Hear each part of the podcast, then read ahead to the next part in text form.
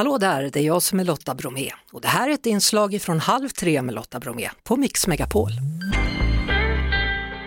Nu händer det som sagt något annorlunda i studion. Vi har avbrutit tatueringen för nu.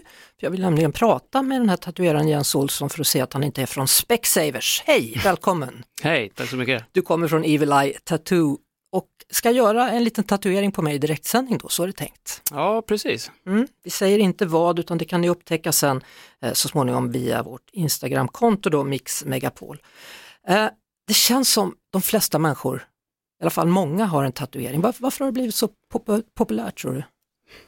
Svår fråga, men jag skulle nog säga att det är nog ovanligare att eh, eh, att kanske vara utan tatueringen idag än att ha en. Vi är väl bland de mest tatuerade människorna i hela världen, Sverige som land tror jag. Ja, jag har hört det också. Ja. Uh, jag vet inte om det är bara att uh, kanske blir lite mer accepterande med folk rent allmänt i samhället, att folk får ge uttryck för vad de är och faktiskt vågar uh, ta det steget och liksom visa och göra väldigt personliga saker en del och mm. sådär. Liksom. Det, jag, jag, tycker det är, det, det är nice.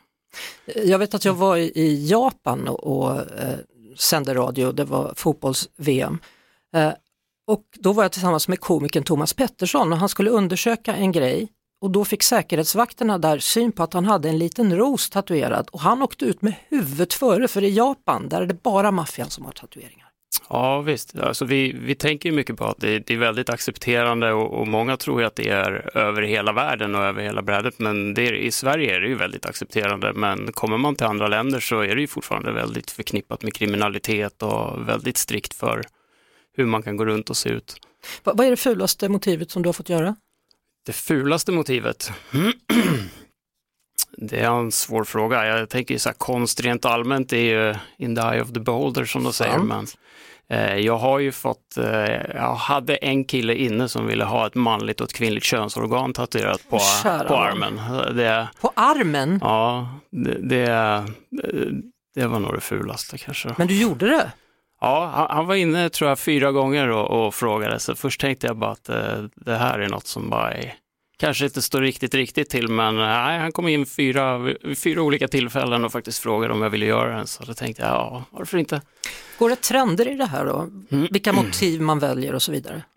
Jag tänker nog att ju mera mainstream, om man får använda det ordet, så försvinner ju trender lite grann. Alltså när jag började tatuera mig själv så då gjorde man det ju mest för att vara kanske annorlunda eller för att man kände sig annorlunda mm. och liksom subkulturer och andra. Nu så är det väl totala motsatsen skulle jag säga.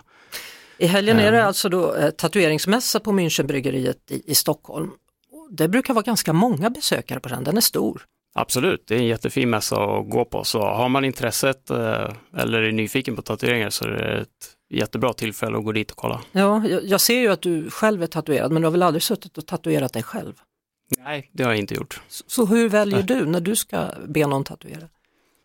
Ja, det är svårt, det kan, det kan, vara lite vad det är på grund av personen, det kan vara ett motiv som man gillar. Oftast går man runt på tatueringsmässor och sånt så är det många som har färdigmålade motiv och sånt. Så mm. kan man ju se vad man gillar och se om någon har tid. Så att det är bara att vara först i dörren och hoppas att uh, man snor den där innan någon annan gör det. Mm. Uh, Evil Eye Tattoo kommer Jens Olsson ifrån, alltså du kan få fortsätta nu om du vill Jens. Ja, men, det är men, det, men det du påbörjade där, och ni som lyssnar då, om ni tror att det här inte är på riktigt eller på sanning eller vad man nu brukar säga, så kan ni gå in live på Mix Megapols Instagram för där kommer nu Alice att livesända detta, i alla fall en bit av det. Jag vet inte hur intresserade ni är att titta på det där, men ni kan gå in om ni vill. Livesändning på Instagram, Mix Megapol är eh, själva kontot då, där hittar ni det. Vi hörs såklart på Mix Megapol varje eftermiddag vid halv tre. Ett poddtips från Podplay. I fallen jag aldrig glömmer djupdyker Hasse Aro i arbetet bakom några av Sveriges mest uppseendeväckande brottsutredningar. Går vi in med hemlig telefonavlyssning och, och då upplever vi att vi får en total förändring av hans beteende. Vad är det som händer nu? Vem är det som läcker? Och så säger han att jag är kriminell, jag har varit kriminell i hela mitt liv men att mörda ett barn, där går min gräns. Nya säsongen av Fallen jag aldrig glömmer på Podplay.